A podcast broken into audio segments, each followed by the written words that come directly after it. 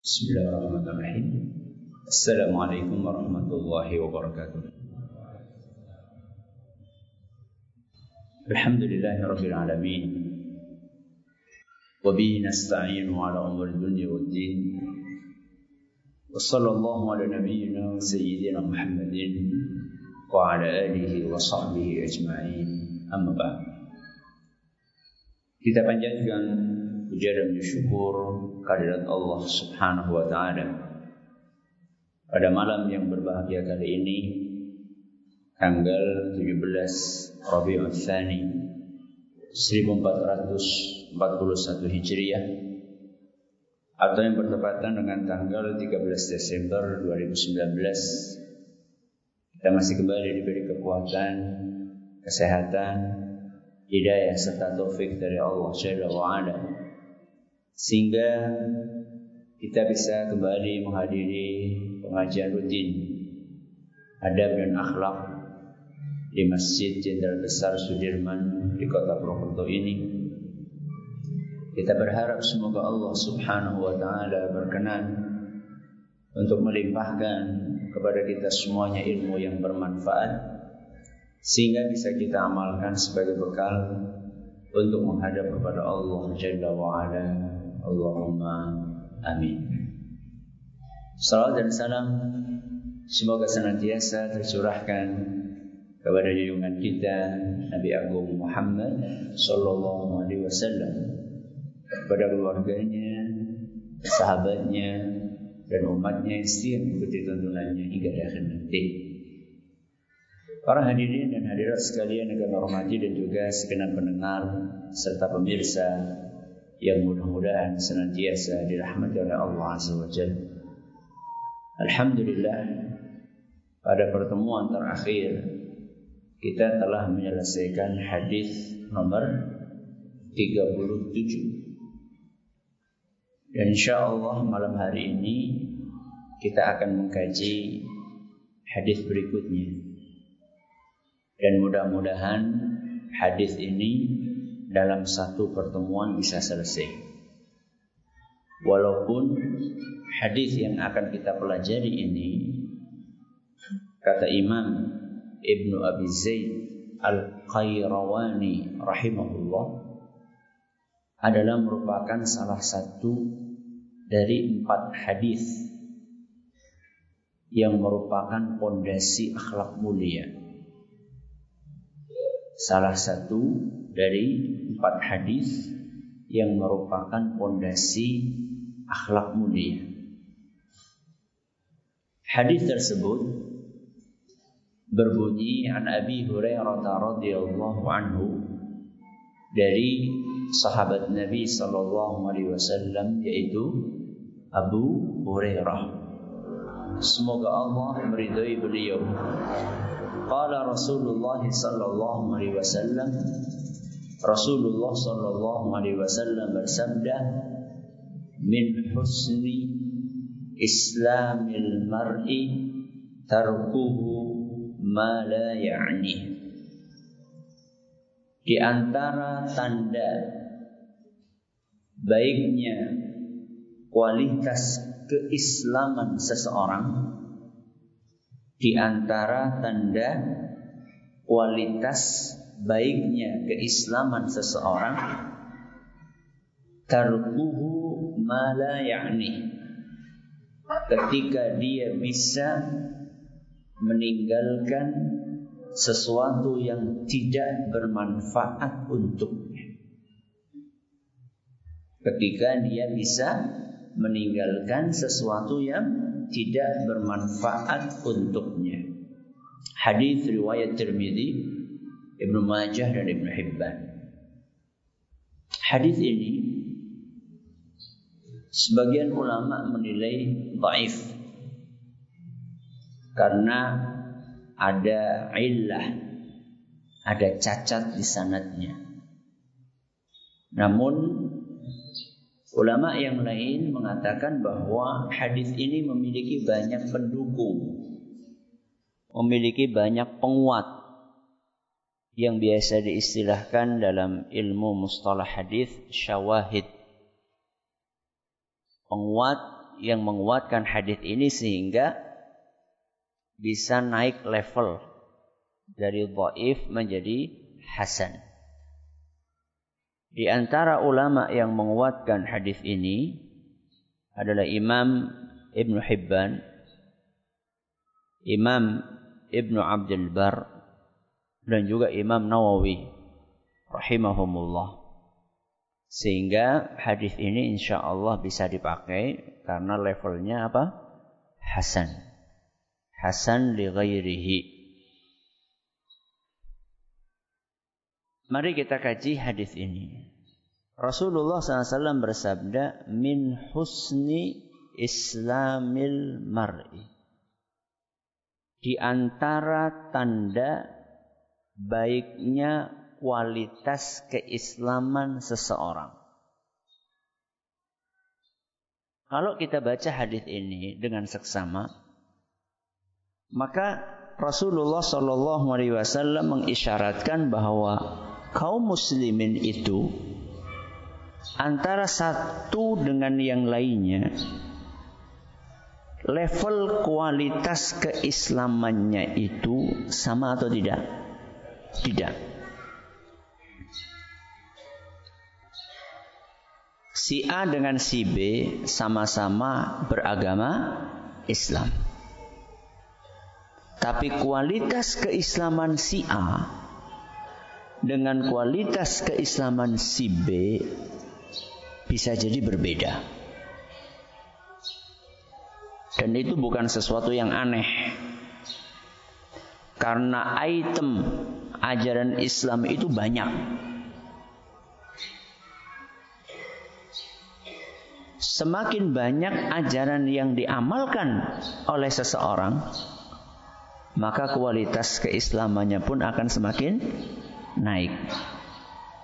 Sebaliknya, semakin banyak ajaran Islam yang dia tinggalkan, maka kualitas keislamannya pun akan semakin turun.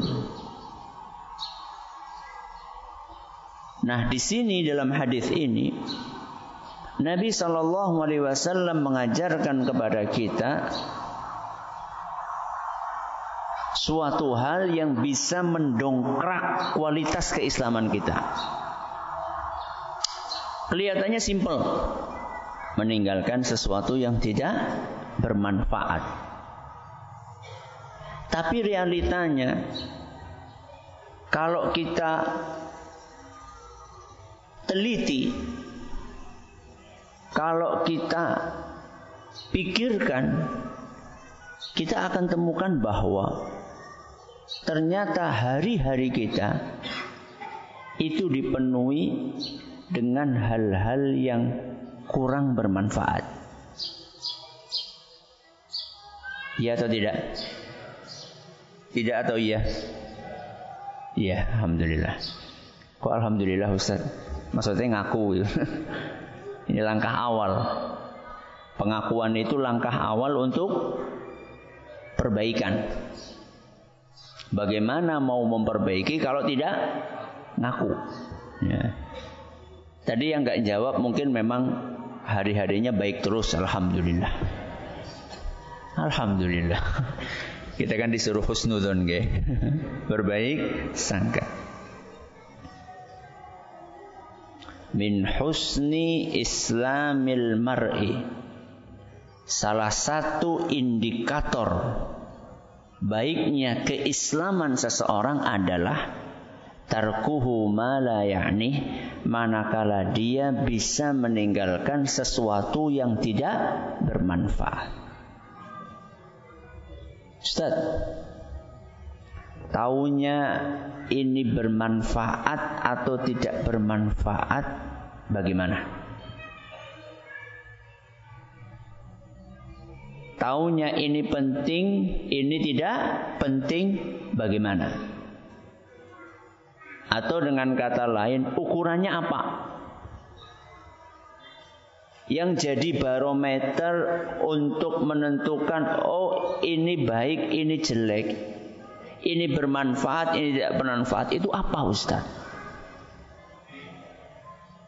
Karena sesuatu yang dianggap bermanfaat buka buat si A bisa jadi di mata si B itu tidak bermanfaat. Kongko-kongko. Apa kongko-kongko? Nongkrong. Bareng dengan geng. Bareng dengan teman-teman. Itu menurut sebagian orang sangat sangat bermanfaat. Walaupun menurut sebagian yang lain gak ada manfaatnya. Berarti kan terjadi perbedaan apa? Perbedaan pendapat. Ya. Menurut sebagian orang ngaji seperti ini udan-udan mangkat apa? Ngaji. Menurut sebagian orang ber, bermanfaat. Menurut sebagian orang yang lain, gue ngapa? Wong terang beora mangkat apa maning udan. Berarti terjadi apa tadi? Perbedaan pendapat di dalam menilai ini bermanfaat atau tidak bermanfaat. Nah ukurannya apa?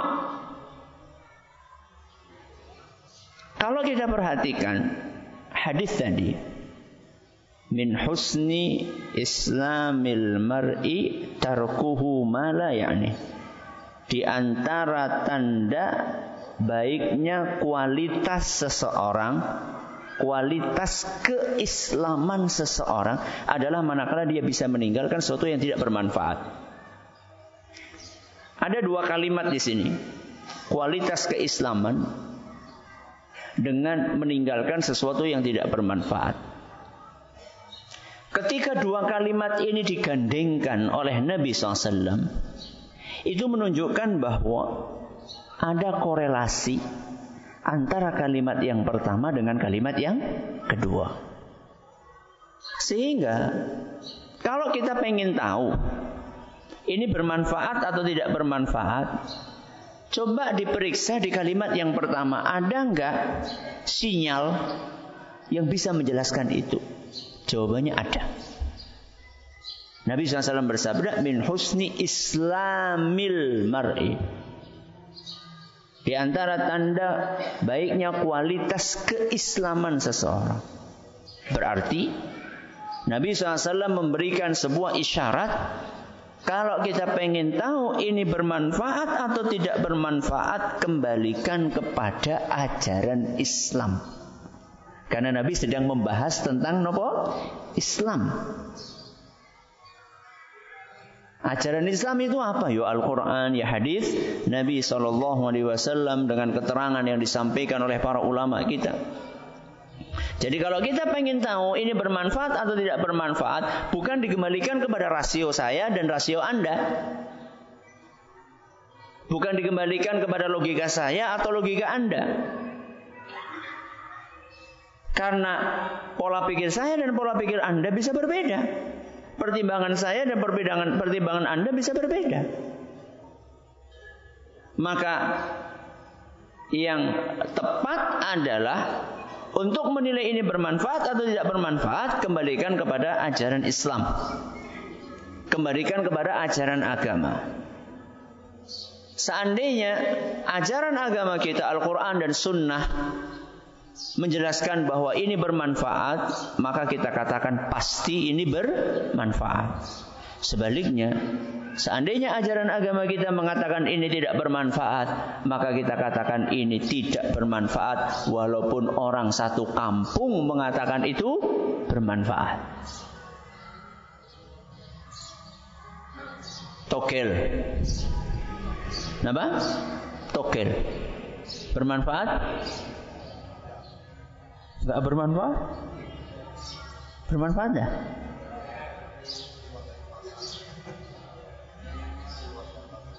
Bermanfaat buat yang menang.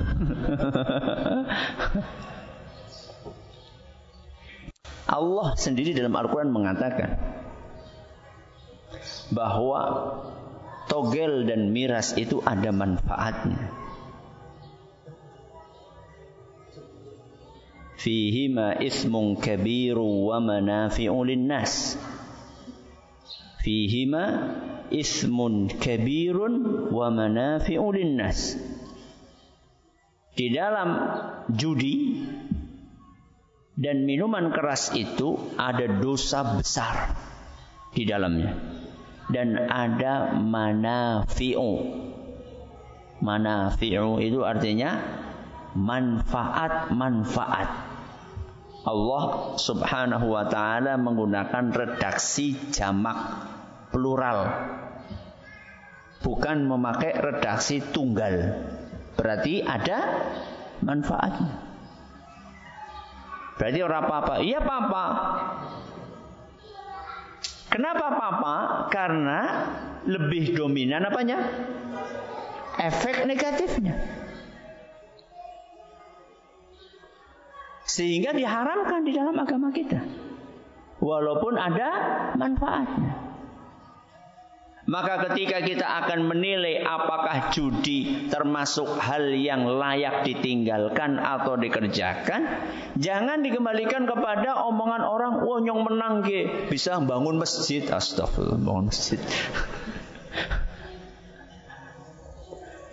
Tapi jarang orang kayak gitu. Jarang. Biasanya kalau menang itu ngomong apa?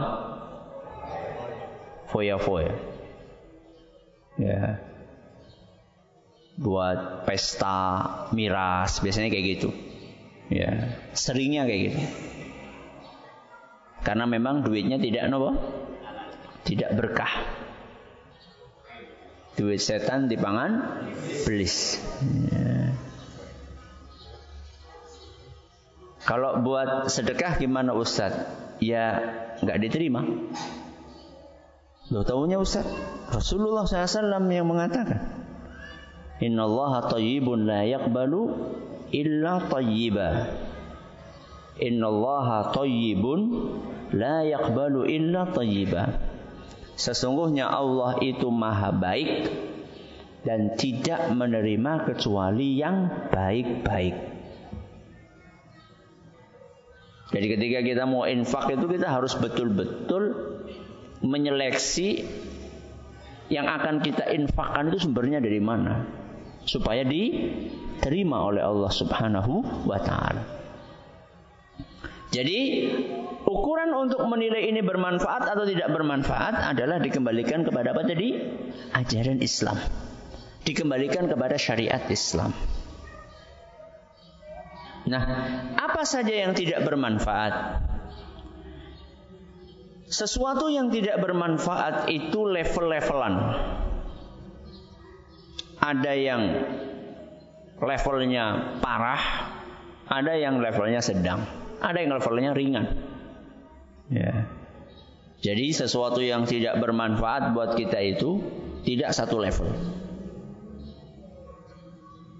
Level yang paling tinggi, yang paling parah itu adalah maksiat. Sesuatu yang tidak bermanfaat Contohnya yang paling jelas adalah apa? Maksiat. Bermanfaat atau tidak? Tidak. Justru sebaliknya. Kebalikannya bermanfaat apa? Ya tidak bermanfaat, berbahaya. Bismillah. Berbahaya. Berbahaya buat dunia kita, dan berbahaya buat akhirat kita. Tidak ada manfaatnya di dunia, apalagi di akhirat. Makanya perhatikan orang-orang yang rajin berbuat maksiat. Pasti hidupnya tidak nyaman. Wa man a'rada an dzikri fa inna lahu ma'isyatan dhanka. Barang siapa yang berpaling dari peringatan Allah Subhanahu wa taala maka dia akan ditimpa dengan kehidupan yang sempit. Lo kayak sugih Ustaz.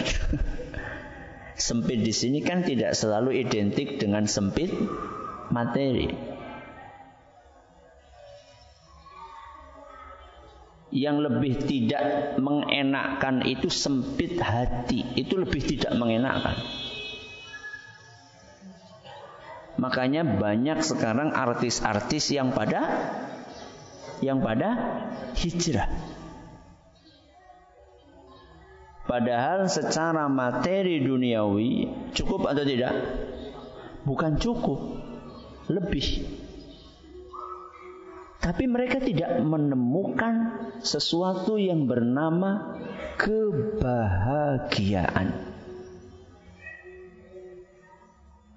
Tapi kok masih banyak yang bertahan Ustaz? Kok masih banyak yang bertahan? Tinggal tunggu waktu saja. Waktu apa? Waktu apa? Ya nek orang hijrah ya mati.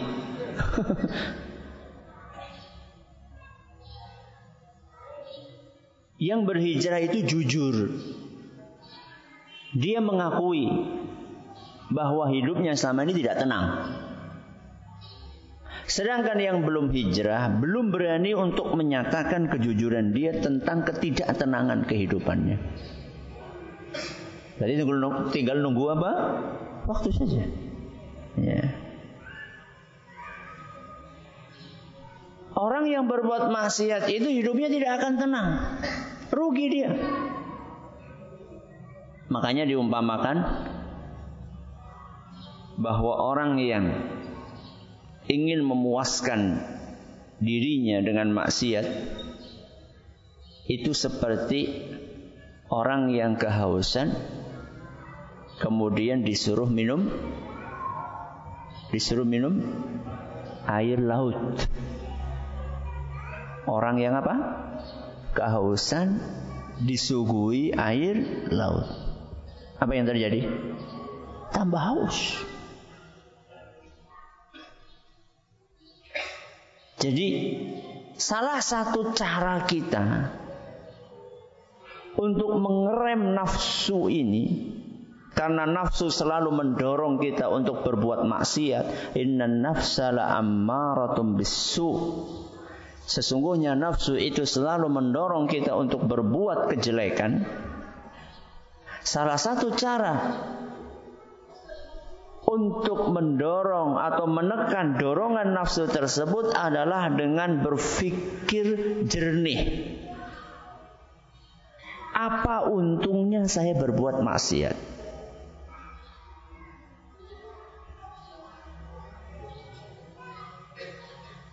Mungkin kalau kita bicara tentang akhirat belum kelihatan.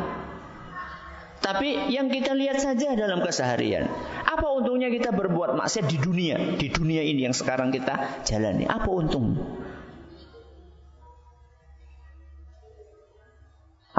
Apa kalau nonton BF terus jadi tambah ganteng? Itu kan keuntungan apa? Duniawi. Enggak juga kan?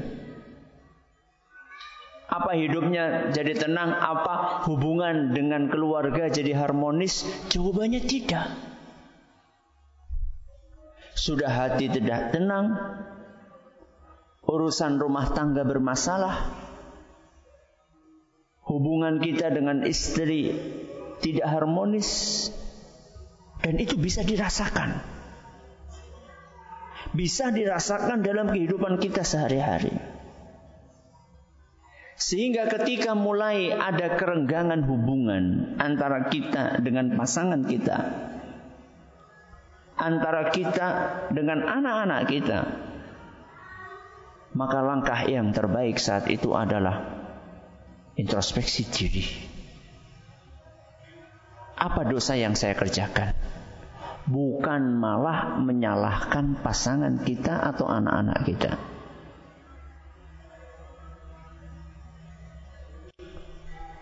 Seorang ulama kita mengatakan inilah asillah wa arifu dzalika fi khuluqi dabbati wa imraati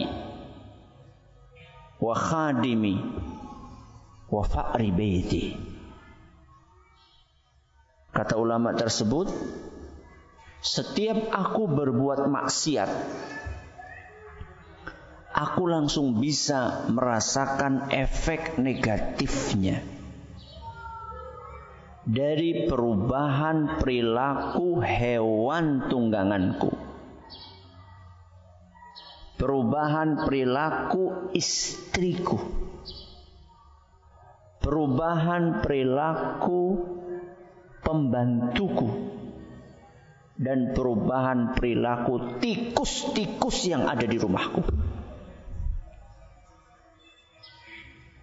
Jadi beliau itu ketika melihat ada perubahan sikap dari makhluk-makhluk terdekat, tikus terdekat atau tidak? Makhluk terdekat, makhluk, makhluk itu kan mencakup manusia, mencakup hewan, ya. Ketika aku melihat ada perubahan sikap dari orang-orang terdekatku, dari makhluk-makhluk yang tinggal di sekelilingku, aku langsung bisa merasakan itu adalah salah satu dampak buruk dari dosa yang aku kerjakan. Seandainya pola pikir kita seperti itu, insya Allah tidak ada masalah yang membesar. Insya Allah masalah cepat selesai tukaran karo bojone. Langsung introspeksi, ini karena dosa. Langsung bilang sama istri, "Bu, aku sing salah."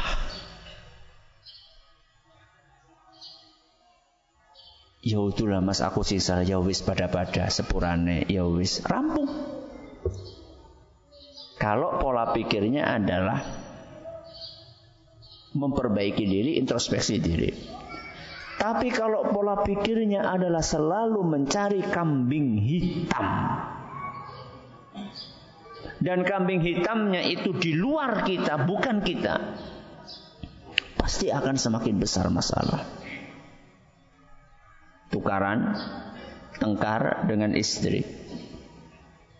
Istri mengungkit kesalahan kita, kita mengungkit kesalahan istri. Istri mengungkit kesalahan kita seminggu yang lalu.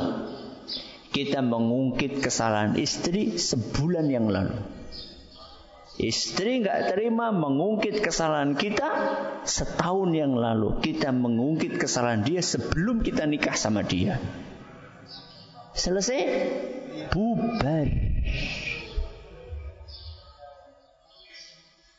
Itu bersumber dari maksiat. Sehingga hal pertama yang harus kita tinggalkan sesuatu yang tidak bermanfaat dalam kehidupan kita adalah maksiat. Karena itu tidak membuat hidup kita menjadi nyaman di dunia apalagi di akhirat. Ayat yang tadi saya baca wa man a'rada an dzikri fa inna lahu ma'isyatan dhanka. Barang siapa yang berpaling tidak mengindahkan peringatan dari Allah maka dia akan dihukum dengan kehidupan sempit di dunia wa nahsyuruhu yaumal qiyamati a'ma. Dan di hari kiamat nanti manusia tersebut akan dikumpulkan oleh Allah dalam keadaan buta. A'ma dalam keadaan buta. Maka orang tersebut bertanya kepada Allah, "Rabbi lima hasyartani a'ma wa qad kuntu basira?" Wahai Rabbi, kenapa sekarang aku buta? Padahal dulu ketika di dunia aku bisa melihat. Waqad kuntu basira. Aku bisa melihat. Mataku sehat. Dijawab oleh Allah Subhanahu wa taala, "Kadzalika atatka ayatuna fanasitaha." Kondisi yang kamu rasakan saat ini itu gara-gara saat dulu kamu di dunia sudah diberi peringatan ayat Al-Quran sering dibacakan, hadis Nabi SAW sering dibacakan, para mubalik, para ustadz, para kiai, para dai sudah menyampaikan nasihat. Akan tetapi engkau abaikan peringatan tersebut. Ini semua gara-gara ketika di dunia kamu sudah diingatkan tapi engkau abaikan wa kadzalikal yauma tunsa. Maka akibatnya sekarang engkau pun juga balik diabaikan. Karena kamu mengabaikan, maka sekarang kamu diabaikan. Karena dahulu kamu melupakan Allah, maka sekarang engkau dilupakan oleh Allah Azza wa Jalla. Itu gara-gara maksiat. Sehingga hal yang tidak bermanfaat pertama kali yang harus kita tinggalkan adalah apa? Maksiat. Level berikutnya adalah hal-hal yang sifatnya makruh. Apa? Hal-hal yang sifatnya makruh. Apa bedanya makruh sama haram? Kalau maksiat kan haram ya. Bedanya makruh sama haram apa? Hmm? Kalau haram itu wajib ditinggalkan. Berarti kalau dikerjakan dosa. Kalau makruh Kalau haram wajib ditinggalkan. Kalau makruh sebaiknya ditinggalkan. Kalau dikerjakan tidak dosa. Kalau haram dikerjakan dosa.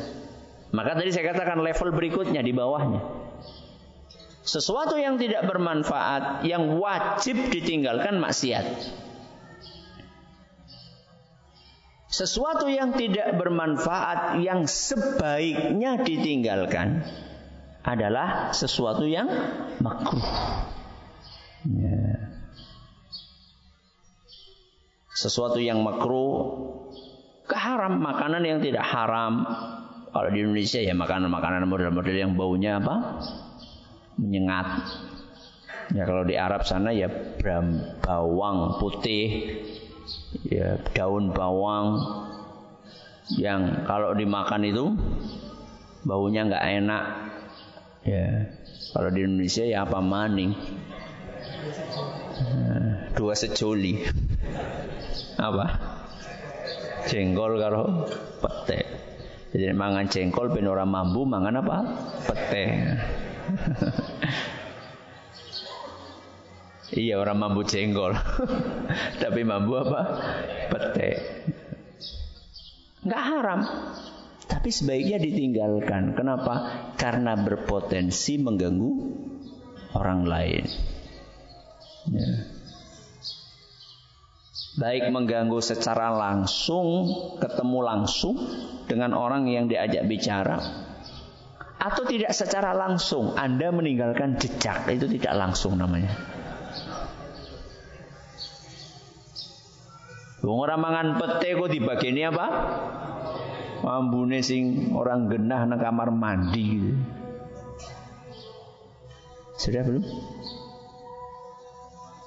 Kurang dikit. Ini sifatnya apa? Makruh. Tinggalkan. Ya.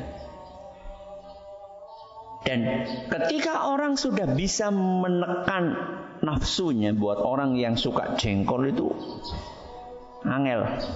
Ya, apalagi semur apa? Semur jengkol. Buat sebagian orang yang memang sudah senang, itu susah untuk meninggalkan. Tapi di situlah kualitas keislaman Anda akan diuji. Ya. Apakah kita merasa nyaman kualitas keislaman kita dari dulu sampai tua levelnya PAUD atau naik dikit jadi apa? TK Masa kita tidak pengen meningkatkan kualitas kita dari PAUD menjadi TK, dari TK menjadi SD, dari SD menjadi SMP, SMP menjadi SMA. Apa kita nggak pengen seperti itu? Bokwis menikmati jengkol patang puluh tahun. Apa sudah tidak cukup saatnya kita untuk mengurangi dalam rangka untuk meningkatkan apa tadi? Kualitas keislaman. Ya. maju tua, itu kan seharusnya semakin bisa mengendalikan apa? Nafsu. Bisa jengkol nafsu, iya nafsu makan. Yang namanya nafsu itu kan tidak selalu identik dengan apa? Nafsu kemaluan. Perut juga ada nafsunya, kemaluan juga ada nafsunya, lisan juga ada nafsunya, ada nafsunya semuanya. Sudah? Belum? Oh belum bunyi. Ya, nunggu bunyi. Ya. Itu semuanya nafsu. Kemaluan punya nafsu, perut punya nafsu, apa lagi? mata punya nafsu, mulut punya nafsu, punya nafsu semuanya. Sekali-kali orang apa? Ya orang apa sekali-kali, sekali neng rumah, sekali neng warung, sekali neng kabian sekali-kali. Latihan dong. Ya. Saya tidak katakan harus, cuman itu bagian dari latihan kita untuk meningkatkan kualitas keislaman. Ya. Jadi level yang paling parah itu sesuatu yang tidak bermanfaat adalah do, dosa dan maksiat. Berikutnya apa? Sesuatu yang makruh.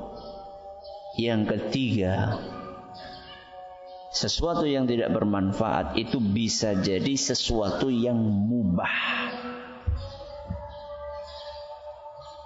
Mubah ini bahasa apa? Bahasa Arab atau bahasa Jawa? Nah, nanti kita jelaskan habis azan insyaallah. Alhamdulillah alamin wassalatu wassalamu ala nabiyina Muhammadin wa ala alihi wa sahbihi ajma'in wa ba'd.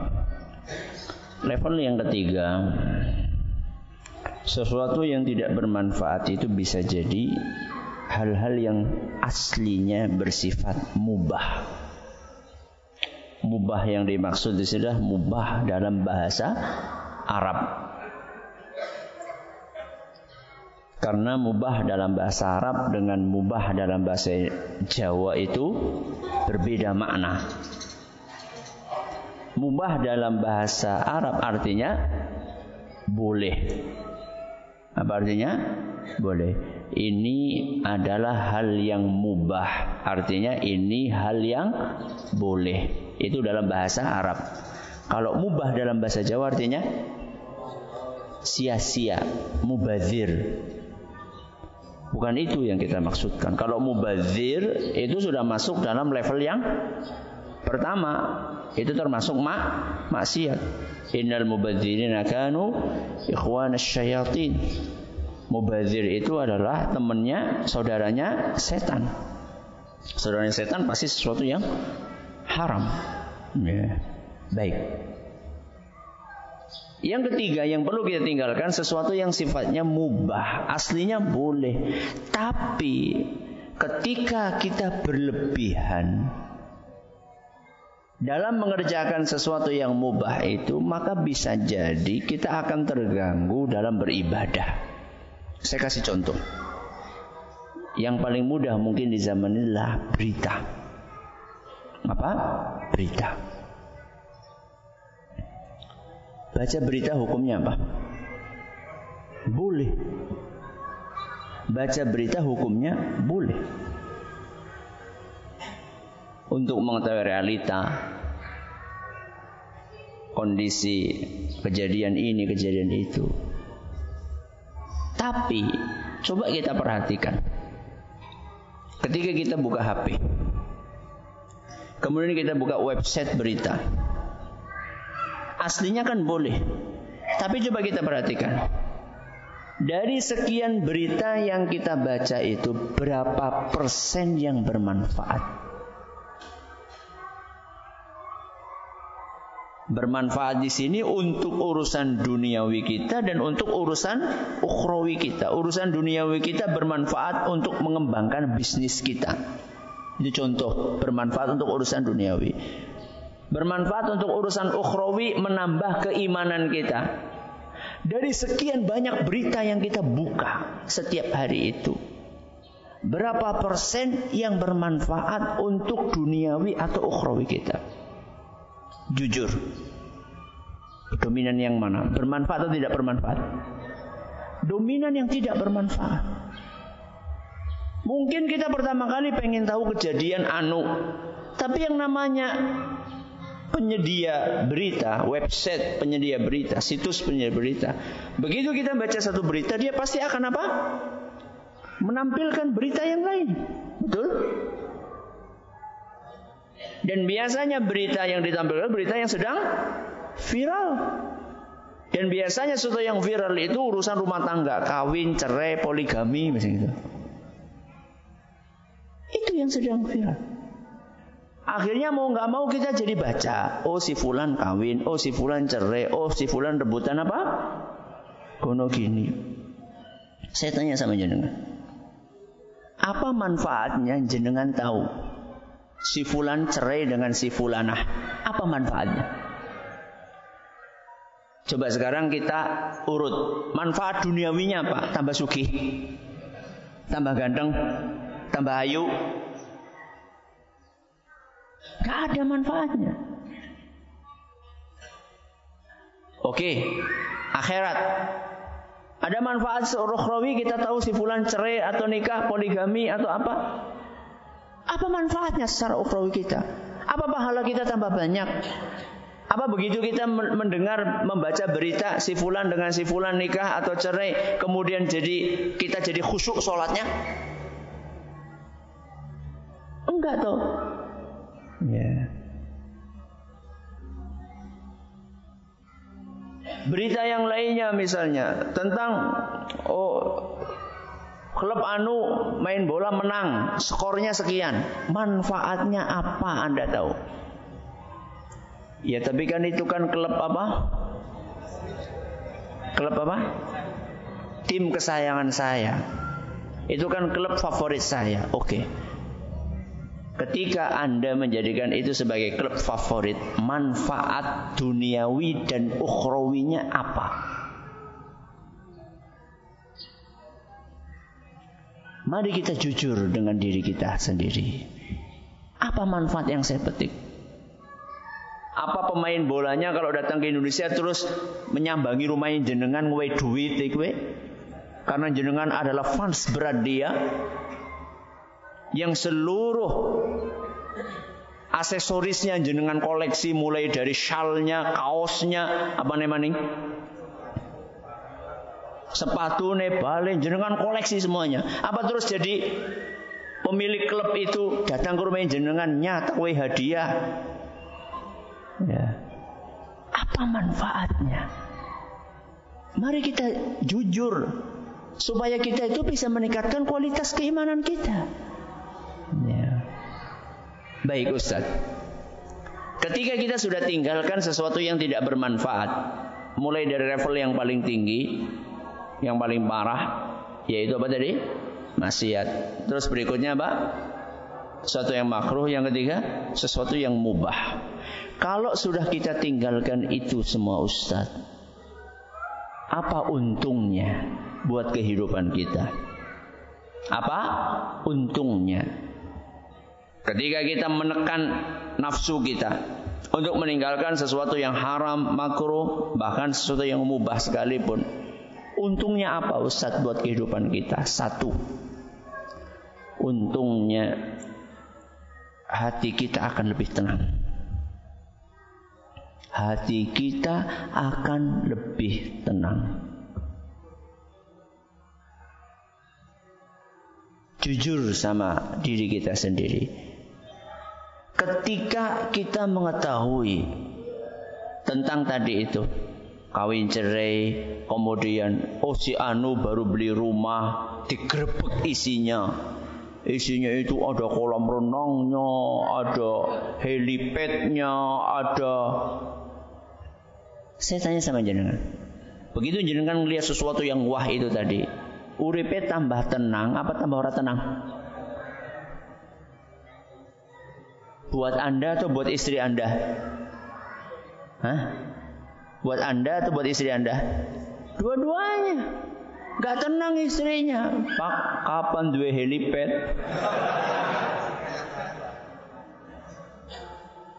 Motor be nyicil helipad.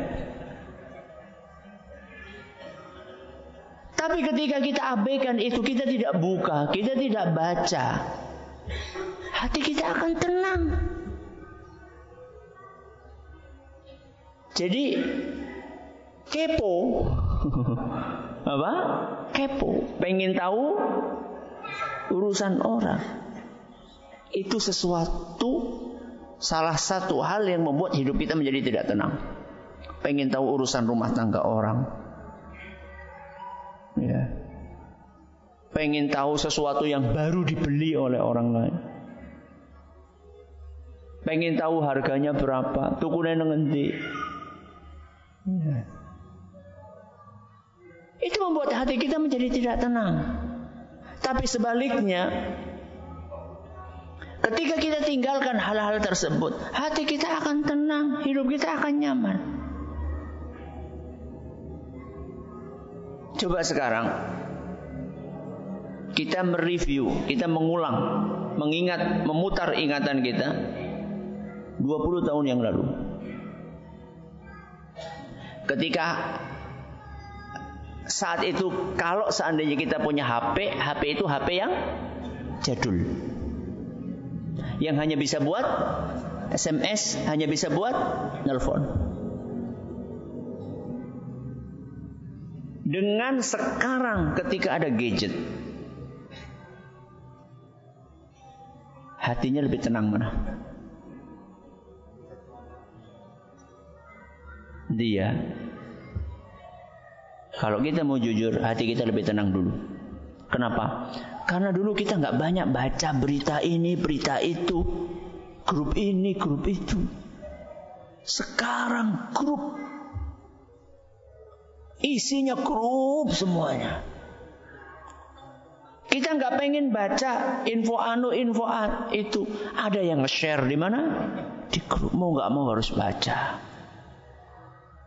Satu, kalau tinggalkan hal yang tidak bermanfaat, hati kita akan apa? Tenang. Yang ketiga, yang kedua, kita bisa nge-save waktu lebih banyak untuk beribadah.